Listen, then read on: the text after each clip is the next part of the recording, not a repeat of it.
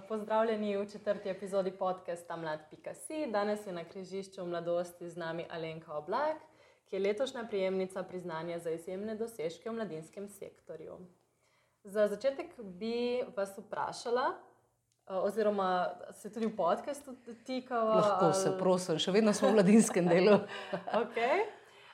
Potem pa bi te za, za začetek vprašala, kdaj in kje se je začela tvoja pot v mladinskem sektorju in mladinskem delu. Ja, najprej živel sem. Um, moja pot mladinskega dela se je začela kot udeleženka mladinskega dela pri Skautih. Ko sem bila stara 14, smo ustanovili v bistvu Skautov v Grusuplu. Pa smo delali, da imamo nekaj polnoletnih zraven, da ne moramo brez tega. Tako da sem bila takoj, ko smo jih ustanovili, sem že bila udeleženka no, mladinskega dela. Mm. Pa smo se takoj začeli lokalno udeleževati. Vsako leto smo imeli par akcij, ki so bile za lokalno skupnost, se pravi širše, ne, ne samo za skavte. In pa v četrtem letniku sem že postala voditeljica. Tako da to je bil začetek na lokalni ravni, pa sem pa čez, um, kaj tam, čez 97, 98, sem začela delati na državni ravni, najprej pri skavtih pa tudi na svetovni ravni, ker sem šla kot prostovoljka na svetovno srečanje skavtov in to mi je odprlo to mednarodno razsežnost skavtov, ki se nikoli več ni nehala. Tam je sem naprej šla. No, in sem pol, kaj tam 2001.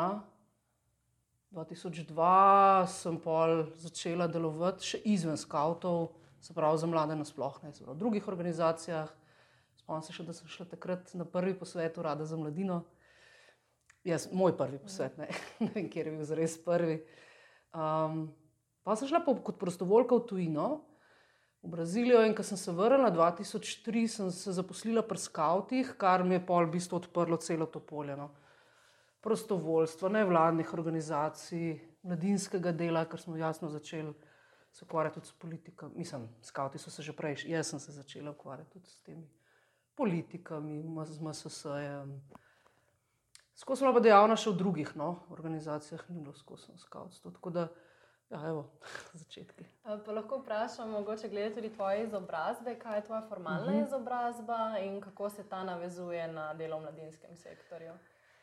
Jaz bi rekel, da še vedno največjo izobrazbo po vseh teh letih, ker nisem več aktivna kot skavtska voditeljica. Ne, 2002 sem nehala biti aktivna kot voditeljica, sem pa potem bila še aktivna kot trenerka na tudi na evropski, pa na svetovni ravni. Mislim, da je to največja moja izobrazba še vedno, ker, pač, ker moraš vse početi in se naučiš vsega. In še zdaj lahko izhajam iz teh izkušenj.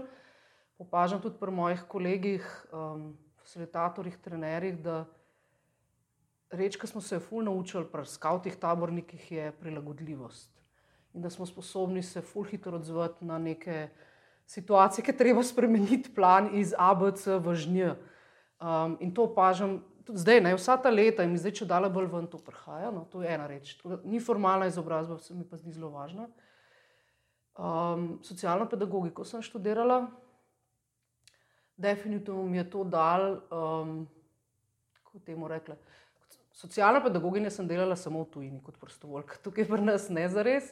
Ampak kar mi je prineslo, je pa prvič zavedanje, da človeka jemljemo kot človeka ali pa mladega kot mlado osebo, ne kot osebo, ki ima neko potrebo. Ne vem, veliko zdaj delam z raznimi mladimi s posebnimi potrebami ali pa z manj priložnostmi, ne, da ni to, ne vem.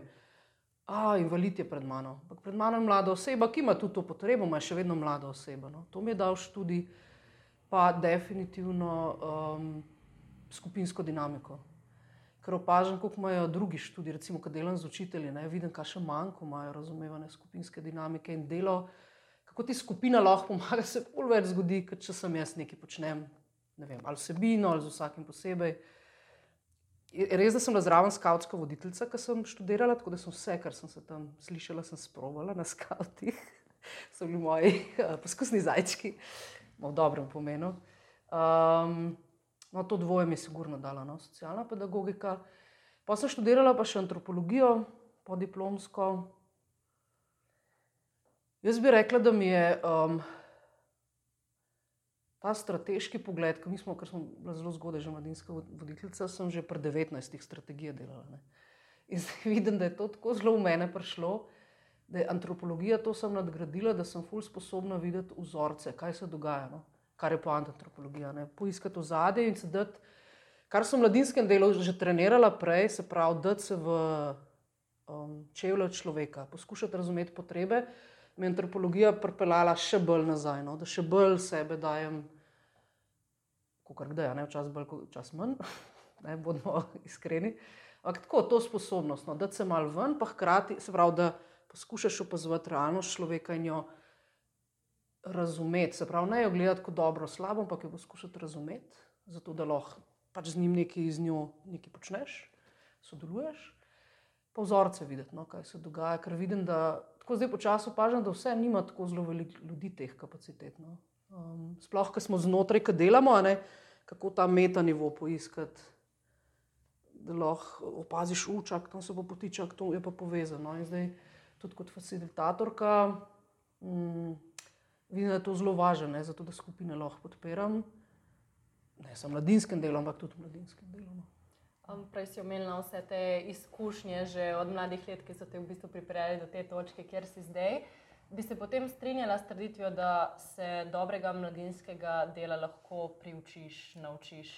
Definitivno. Meni se je zdelo, da sem začela biti uh, mladinska voditeljica, ne? jaz sem četrti letnik srednje šole, ne mislim, tako sama, mlada. Ne? Meni se je zdelo, da to stvari ne znam, ne morem. Pa sem nekaj brala o vodenju, ne? pač kako voditi, biti voditelj. To se mi je takrat zdelo važno, da se jaz to naučim. Um, Sej verjetno sem imela neke kapacitete, ne? ne da jih nisem imela. Ampak če pomislim, koliko sem se sama naučila, pa koliko se še vedno učim. Ja, je učenje. No. Je pa res tudi odločitev, da je to učenje. No. Da ni, um, rekla, sama sem imela v enem obdobju eno to državo, pa se že nekaj vem, ne. se pa že imam nekaj izkušenj. Um, se je res, ampak hkrati, kako je važna drža, da poslušam, pa da se učim. No.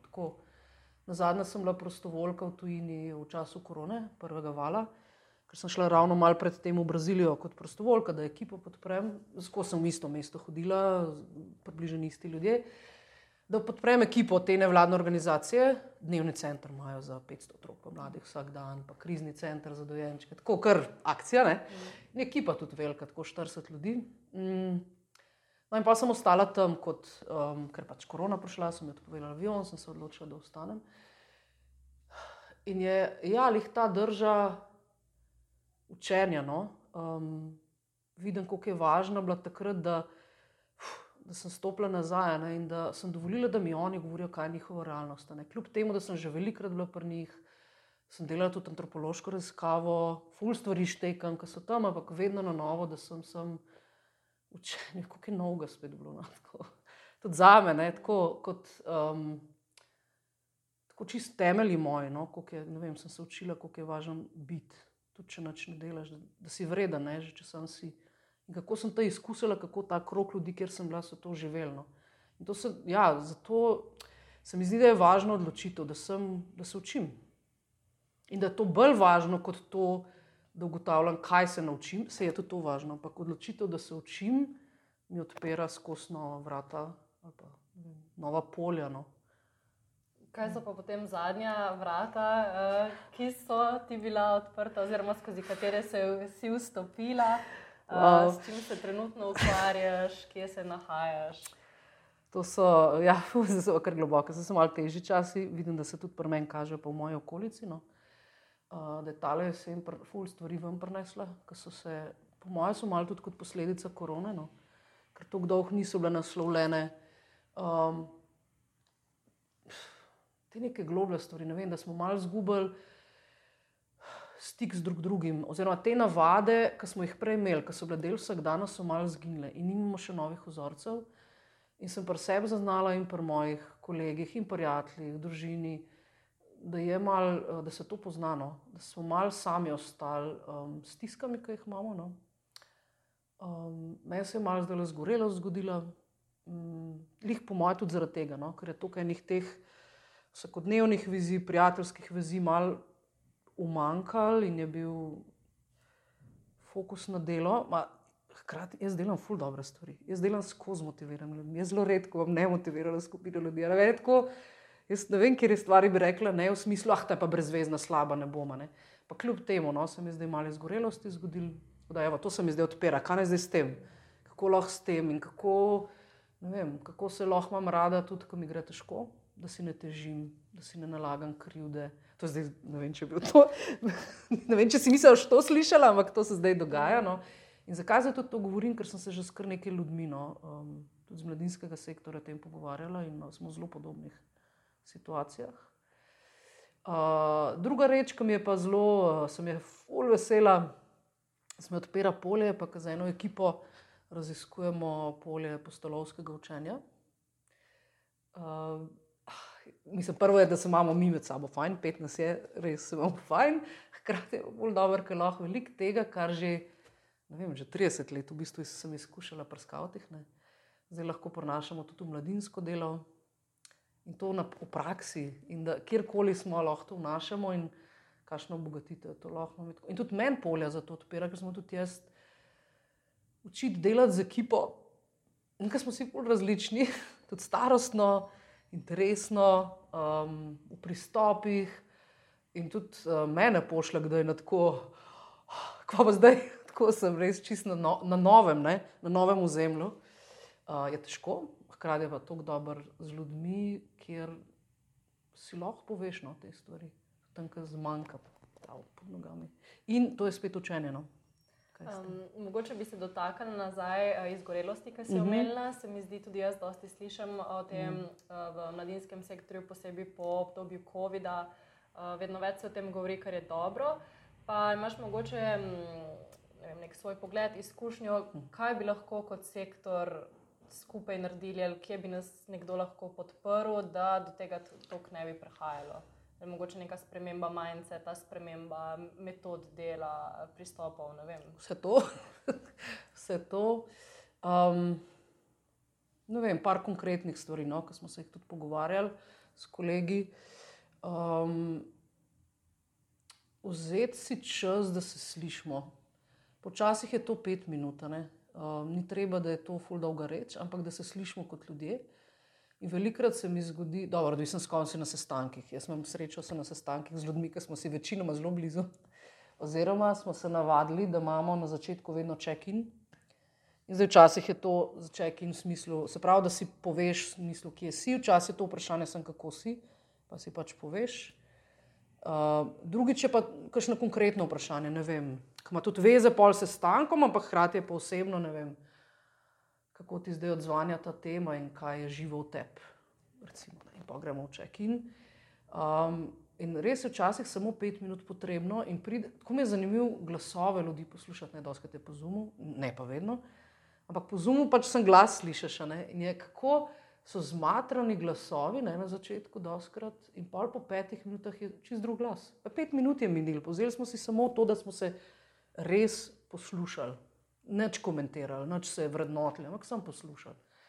Um, tudi to izkušnjo imam, ne, da imamo čas, uro pa pol za sestanek, imamo 45 minut čekin. In včasih sem malo deloholična, ne, iskreno. Um, hkrati vidim, koliko me, um, zdaj zase govorila, tudi kolegi podobno rečejo, ko si vzamemo teh 45 minut, mene prime že čas strah, kaj bomo za uro popolne. Če smo si jih zares dobro vzeli, pol v 45 minutah, vse naredimo. In to je tako meni, kako zanimivo, da se vzamemo za človeško dimenzijo, čas se,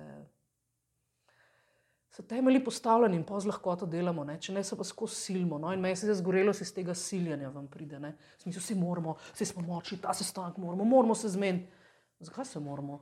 Ma ni nam treba, ne? lahko pa se. Pač iz kje izhajam zdaj, iz tega, da moram ali z želje, da nekaj premaknem ne? in da me to, ta želja v bistvu vleče in tam je drug, druga motivacija. No? To vidim pa, da je tudi velik razlog um, preobremenjenost, spravo preveč dela, koliko nadur se zgodi v mladinskem sektorju. Pa mislim, da ne bi bilo treba, da se jih, da smo si sami nastavljeno zanko tega, da, vred, da smo vredni, če preveč delamo. Zanj so z eno imeli pogovor o tem, kako je to en taka pastratala kako se je važno učiti, da ne zaključil buri, zakaj je toliko nadur potrebnih. Pač dajmo si malo manj, ne? zakaj moramo se nabijati, napihati v razpise, kva vse bomo. a je res to vrednota. Ne? Malo jo imamo kot družba in se tudi sektorju pozna, definitivno. Druga reč, ki se pozna, je pa tudi pač, ja, finančna podhranjenost, da je ne vem, mogoče zato, ker še manj oseba vključena. Ne? Um, mislim pa, da je zelo velik na tem, da se učimo tudi reči ne. Zdaj, še en mehanizem, ki pa ga vidim, da bi lahko pomagal, je pa, da bi si dovolili, da se na vsake tok srečamo še s kom. Ali je to neka mala skupina kolegov, pač tipo na pivu, enkrat na dva tedna, enkrat na mesec, ali je to um, mala intervizijska skupina s kolegi iz drugih organizacij, kjer se samo je tole meni zdaj le drama, me lahko poslušate v tem smislu. In spet so to lahko čisto kratke stvari, no? Ni treba, so zelo dolge. Um, Ponovadi se nam ča, si rečemo, da to ni nujno, ne? ker se nam zdi, da moramo sami. In se mi zdi, da to nam tudi prenaša izgorelost, ne? da moram sama, da ne rabim pomoči. In to je še ena past. Um, umetnosti gostiteljstva je, je, je prišel en izraz iz enega indijanskega plemena da je um, zaupaš lahko samo osebi, ki prosi za pomoč, in zato je prijazno prositi za pomoč. No, pa kontrobrnjeno, ta slovenska je smrt. Um, tako, pa še ena stvar, ki zdaj izkušam, ko vidim, kako mi je zelo podporna, je um, body system, se pravi pogovor ena na ena. Um, na enem srečanju s trenerji smo spo, v, iz Movita smo spomladi tako šli v pogovor ena na ena, pa nas je pa uh, Boštjan takrat spodbudil, um, da če želimo, se lahko vsake tok srečamo. Ne? In zdaj se s tem, ki smo um, bili takrat skupaj z Markotom, Pavlovičem, sva, um, se zdaj dobivamo tako enkrat na mesec in so oba tako, za oba je čist novo to. Ne? Ma hkrati tako vsakeč tako, kako dobro. Da se lahko pogovarjajo, kako dobro, da me poslušaš. In tako, je, tako smo oba, tako presenečena, kam se to pelje. No? In je tako um, zelo podporno. No? Ja, prav Marko je tudi na nacionalnem posvetu mladinskega sektorja omenil ja. ta pomen poslušanja, čekina, kako si, da si vzamemo čas. Mhm. Um, na nacionalnem posvetu pa ste pa si prejela tudi um, nacionalno priznanje, oziroma državno priznanje za izjemne dosežke v mladinskem sektorju. Kaj ti pomeni to priznanje, kaj ti prinaša? To mi je tako vprašanje, ne vem, če je dobro, kaj ne odgovorim na njega. Prvič, zato ker meni v splošnem priznanju ne pomenijo zelo veliko. Tako da, ko so mi povedali, da me bodo predlagali, sem lahko, uh, zdaj ste, zelo malo brez besed. No, vse to je dobro, ne se. Presenečen sem lepo, morda jih rada. Uh, pa sem pa dojela, da mi v bistvu nekaj pomeni, predvsem zato, ker je to priznanje. Ne, ne, ne vidim tega samo meni, ampak vsem ko smo karkoli se skupaj prizadevali, smo korake naprej delali. No? Da smo sprobavali novo, da smo, vem, da smo se z naročniki pogovarjali stvari, ki so jim bile mrde tako, kot zdaj vi govorite. Ali pa smo jim predstavljali ideje, ki so bile mrde kontra njihovim idejam, um, povezavi s tem, za kar so nas povabili, ne, da sodelujemo. Ali pa da smo, um, da smo si upali tudi reči, na primer.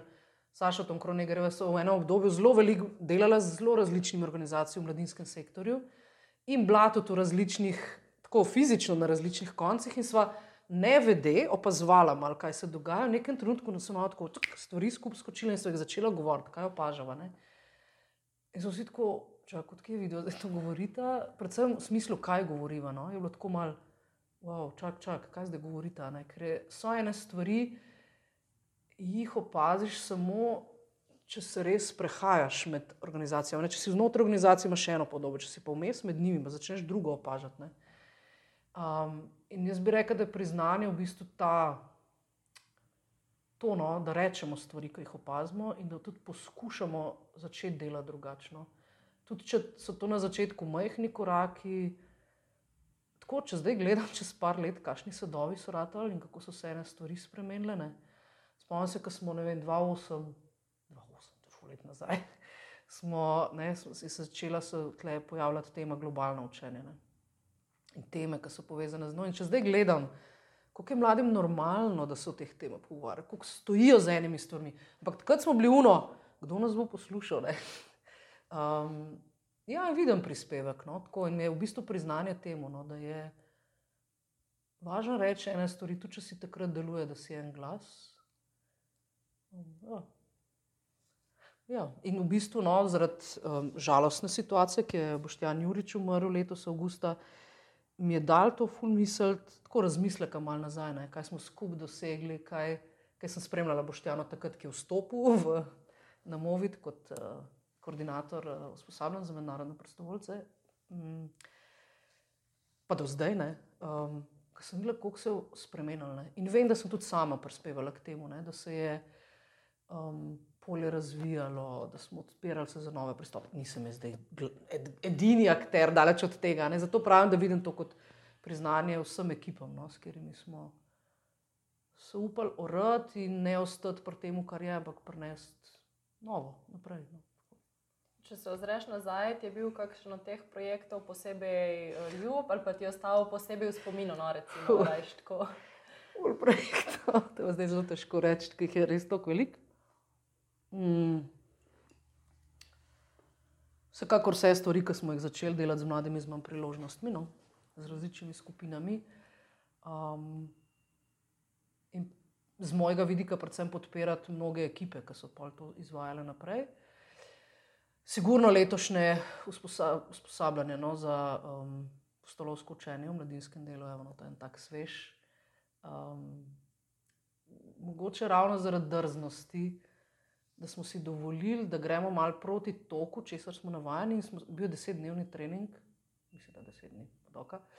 In tako pet, šest dni smo rekli, da je moj najprej izkušnjo. In ne bomo tega dajali na razumsko raven, če ne, ne bomo sploh v globino šli.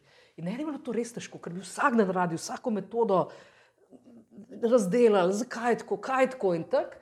In dejansko so pa tudi sami dojeli, da če bi un dan refleksijo naredili, bi jo čist drugače videli in bi zelo na razumski ravni ostali kot pol, ko smo šesti ali sedmi dan delali refleksijo za nazaj. In je to dobilo eno drugo dimenzijo. Um, no, in spomnim se enega um, čilenca, čilenc italijan, Giovanni, ki je trenutno prostovoljc na Irskem, še vedno je, uh, prek Evropske solidarnostne enote. No, in on je kot udeleženec prišel. in en dan smo jim dali um, izziv sem, da se dobimo čez približno 24 ur v Bohinju, mi smo bili nad Litijo, na enem hribu, ponoviče. Uh, da se dobimo v Bohinju, v jezeru, uh, da grejo v skupinah po tri, da vsaj en del štopajo, če se le da, da ne sprespijo zunaj. Ne? Njegov pogled, pa da se je dan povedal, je rekel, če bi moj pogled takrat ubijal, ker sem jaz navodila dala. Ne? Jaz sem se upala taka navodila, da te, to moraš zdržati, kot to bi te rekli. Um, in je rekel, ubil bi te s pogledom, če bi te lahko takrat. Ker on v življenju ni spal ven iz hiše, šel v šotoru, ne? takrat na treningu je prvič v šotoru spal, mi smo rekli, pa še zunaj spijo. Drugič, ki je tuš. Kaj zdaj? Tako cel kup stvari je rekel, jaz bi te res lahko ubil. Če 24 ur je prišel do mene in rekel, wow.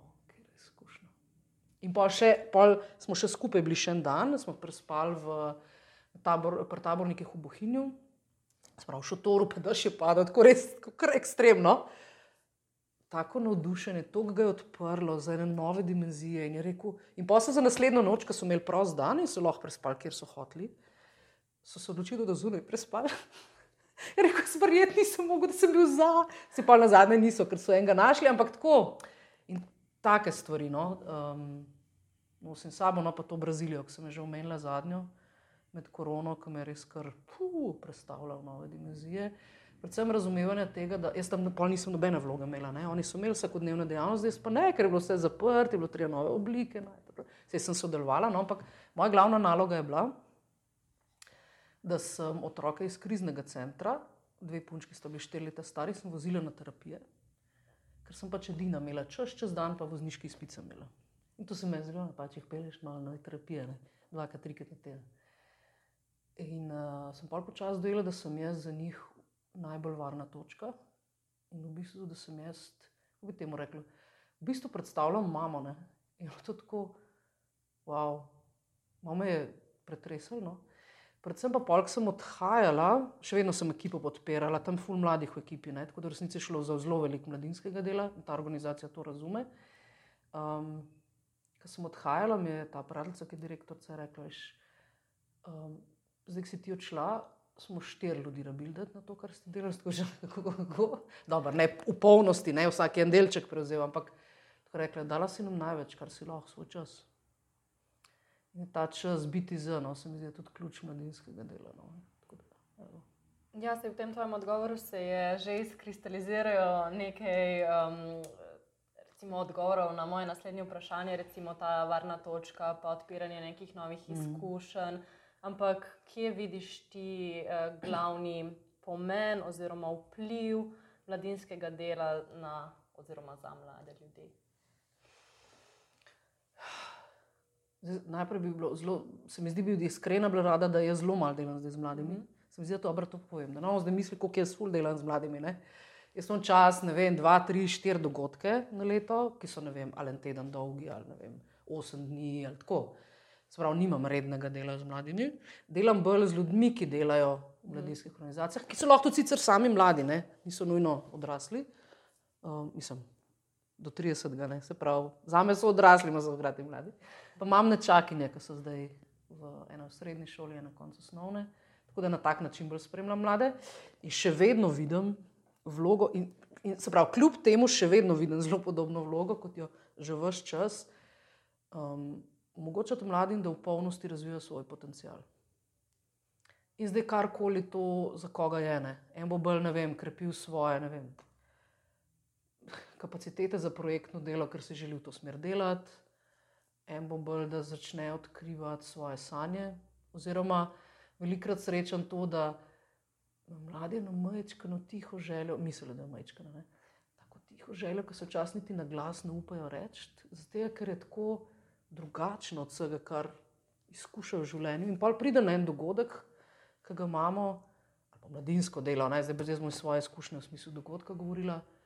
In dobijo dovoljenje, da lahko to povejo na glas, oziroma začutijo, da je dovolj varno, da to lahko povejo. Prav ena je enkrat rekla: Jaz še nobenemu nisem tega povedala, ker se bojim, da mi bodo ukradli idejo. Ne?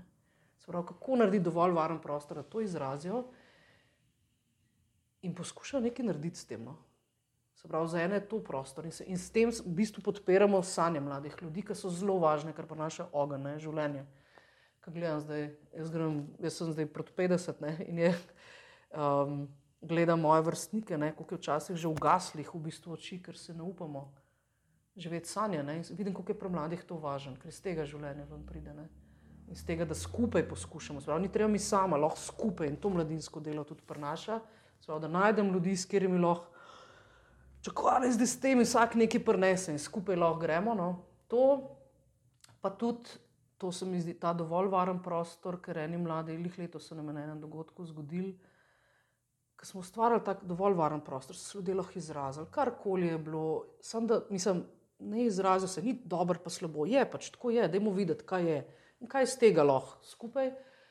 In se je ena, um, ena punca, tako 20, dobrih 20 stara, se je zlomila, ne, ker je rekla: Vidim, kako je tle, tako drugače kot izkušen v življenju. In jaz bi si to želela, več tega. Ne. Smo čist se sesula, smo jo podprli. In kako se je pol nazaj sestavila skozi dogodek, mislim, da je začela skupaj z drugimi iskati to upanje. No? In se mi zdi, da tudi to mladinsko delo prenaša. Upanje, da se nekaj da in da tudi izkusijo, ne samo, da je upanje, ki je tako malo v zraku, ampak konkretno izkušajo, da se da. da, da ker ko izkusiš, je to tako, ker um, Solution Focus to pravi, se reče, da so tukaj ena semenčka, ki vidiš, da že imaš semena in da že raste nekaj. Niti treba na novo nivo posjeti, ampak že raste.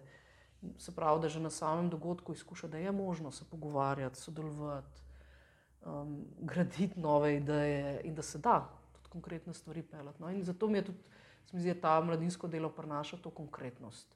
Nismo samo bla, bla, bla, ampak mladi izkusijo stvari, ki jih pa lahko naprej prenašajo v taki ali pa drugačni obliki. Tako da v bistvu mladinsko delo in mladinski sektor sta zelo pomembna. Um, kje bi ga pa lahko še bolj podprli v Sloveniji, oziroma s kakšnimi izzivi se trenutno sooča sam mladinski sektor in kako vidiš, da bi ja, ga lahko podprli, oziroma kje bi se dalo še kaj izboljšati? Mogoče? Spet moj pogled mali strani, ne, ker nisem vedno direktno upeta. Mm. zadnjič smo imeli z nekom pogovor. Um, definitivno manjka ljudi, ki, domače rekla, ki imajo jajca, ki so drzni in si upajo narediti drugače. Um, se pravi, ne iz toko, ker mladinski sektor je omejen pač z nekimi financami, ki jih lahko pridobine. In zdaj, a, se, a bomo to gledali kot omejitev, ali bomo rekli, hej, boli me, mi model, kar se nam zdi važen in bomo zato našli načine. Ne? In to izven sektorja, ne? ker pač sektor ima omejene finance. Ne? Mislim, Movit, v resnici podpira samo en del mladinskega dela, največ financ, ne. mislim, prinaša največ financ evropskih. Tako da, um, definitivno ljudi, ki so drzni, ki se upajo prenesti drugačno, narediti drugačno in ne glede na drugo, pač iti sprobati stvari. No. Siguren. In to vidim tako na lokalnih, kot na. Pa ne, da ni takih ljudi, daleč od tega, ampak ta kapaciteta bi lahko še večja bila, če bi bilo tega več. Siguren je to povezan s tem, da v mladinskem sektorju se ljudje hitro menjajo, tudi zaradi financ, ne pa samo. Um, in je tudi po naravi, ne, je prehodno obdobje, ampak ljudje, ki malo ostanejo, pa vidim, da začnejo razvijati to kapaciteto, tega so drzni, da se upajo predlagati, grejo proti toku. To je, to je v bistvu poanta mladosti. Ne, da pač tam si na začetku življenja in greš in gradiš, in to podporo rabijo mladi kar pomeni vedno na novo spet drznost, vedno na novo iskanje novega. Um, to, sigurno so pol finance, ne? ampak kle, ja. ne vem, če lahko zdaj tako zelo rečem. Ampak bi, tako, kot bi opazujem pač delovanje organizacije, zakaj zadnjih 20 let, ko sem upetal to na slovenski in mednarodni ravni. Ne si postavljati mej, vedno na novo, spet iskati nekam in v bistvu nas to tudi razvija. Ne. To pa bi rekla, da je pa, kar opažam že spomnim se, 2001 sem bila na prvi Evropski skavtski konferenci in so sedela z enim tabornikom, tako na štengah. In so se menila, kva nek mi mladim prinašamo, pa kva mladi rabijo. To je tako večna debata, ne? ker vedno na novo ljudje prihajajo, mladi se menjajo. Um, in te pogovori, ne, v bistvu razumevati, kva danes potrebujejo mladi. In to vedno na novo rabimo, ne? to se ne neha. In v bistvu, da ne zaspimo. In glavni ključ, ki se mi zdi, da je, je preživljati čas z mladimi. Ni, ni drugega načina, kot biti z mladimi, da dojemamo, kaj se jim dogaja. Um, in to sektorsko srabino. Ja, in dovolj si sanjati, res dovolj si sanjati, ne se ustaviti. No, ja, akcija. Kaj pa tvoji načrti za prihodnost, se še naprej vidiš v mladinskem sektorju, ostaješ? Siguran, mislim, jaz sem en del aktivno v mladinskem sektorju, ne pa sem pa še v drugih sektorjih. Um, vidim pa, kako so me te načela mladinskega dela v bistvu oblikuje tudi za druga področja in vidim, kako so zelo uh, človeška, ne? usmerjena v podporo človeku. Tako da v mladinskem sektorju gotovo ostajam. Prvič zato, ker se mi zdi tako zelo važno podpirati mlade. Se pravi, osebo, ki je na, na, na tem, da začne v svet prihajati in kako mladi prenesejo. No? Spomnim se, da sem imela prvi trening po koroni, leto pa pol nazaj. In je nekdo že v prvem krogu rekel, da je bil prvi dan, ko se mi je zdelo vredno ustati iz posle. Kvaž v prvem krogu, torej, kva dogaja. Ne? In počasi sem ga spoznala, dojela, da je zelo aktivna oseba, da to sploh ni nekdo, ki je pasiven, ampak nekdo, ki je tako aktiven na toliko enih področji, vidi, je proaktiven. In on je rekel, da se mu šele danes zdaj vredno ostati iz posla, tako šit. Kakšen potencial izgubljamo pri mladih. Um, in zato se mi zdi vredno ostati v mladinskem delu, podpirati ta potencial, ki je, tudi če sebe pogledam, kaj se je meni zgodilo, ne, ker je nekdo podpiral moj potencial. Evo me. Tako, in to, to, to rabimo. Um, mi smo se včasih hecali, da vzgajamo bodoče predsednike. Ne? Ampak spomnim se, smo pa tudi pr, na filantropiji, nekaj časa tudi na slovenski filantropiji, bila zaposlena. Smo tam prostovoljce vzgajali, če bi bil predsednik, kaj je tvoja funkcija. Se zdi malo hecno, ampak mi v resnici rabimo vzgajati mlade, ki bodo aktivni v družbi, jo so oblikovali in hkrati živeli svoj potencial. Ne? Vsak bo na svoj način aktiven. Daleč od tega, da so samo predsedniki potrebni, ampak ne id in narediti tam, kar te kliče, in hkrati prispevaš svetu. No? Zato se mi zdi vredno um, podpirati mladinski sektor naprej. In ne, to pa zdaj čisto moj egoističen vidik. Jaz jaz se mi zdi, da se prav zaradi mladinskega sektora tako zelo veliko učim. Ker vedno na novo, ne, ker se mladi spreminjajo. Oh, vsakič, ki nekdo tako pod 30 ekipi ali pa udeleženci se to naučim, ne si bo to nekih spretnosti ali novih znanj. Um, in mislim, da me tudi to ohranja, no, ta mladostnost. No, ali pa to dojemanje življenja, da pač vse se spremenja in da to je to čisto normalno, vse kako smo stari, ne? da ni rutina del življenja. In definitivno tudi, zakaj še ostajam v mednarodnem pač tudi merilu, ne? ker vidim, koliko je ta mednarodna dimenzija. Pač vsa leta, že odkar sem aktivna, uh, pri skavtih sem bila na evropski in svetovni ravni, bila sem prostovoljka v Braziliji, neke širše perspektive, koliko mi pomaga razumevati, kaj se dogaja z mladimi in kaj potrebujejo. No. Tudi globalno, ne, kaj se dogaja um, ali pa za duševno zdravje, ko vidiš, kakšen vpliv ima to vem, po celem svetu. Recimo. Ja, in si tle čutim, da me kliče, no, da imam še kaj za prnest. Nimam vedno odgovora, kaj imam za prnest in ga tudi ne rabim za res. Samo to skupaj odkrili, no, ampak v smislu lahko podpiramo. Jaz bi rekla to, da so vsi aktivni, enako vredno lahko aktivni. Um, da vsak prispevek lahko nekaj da. Ne. Naj bo to vprašanje, dvom ali pa od ideje.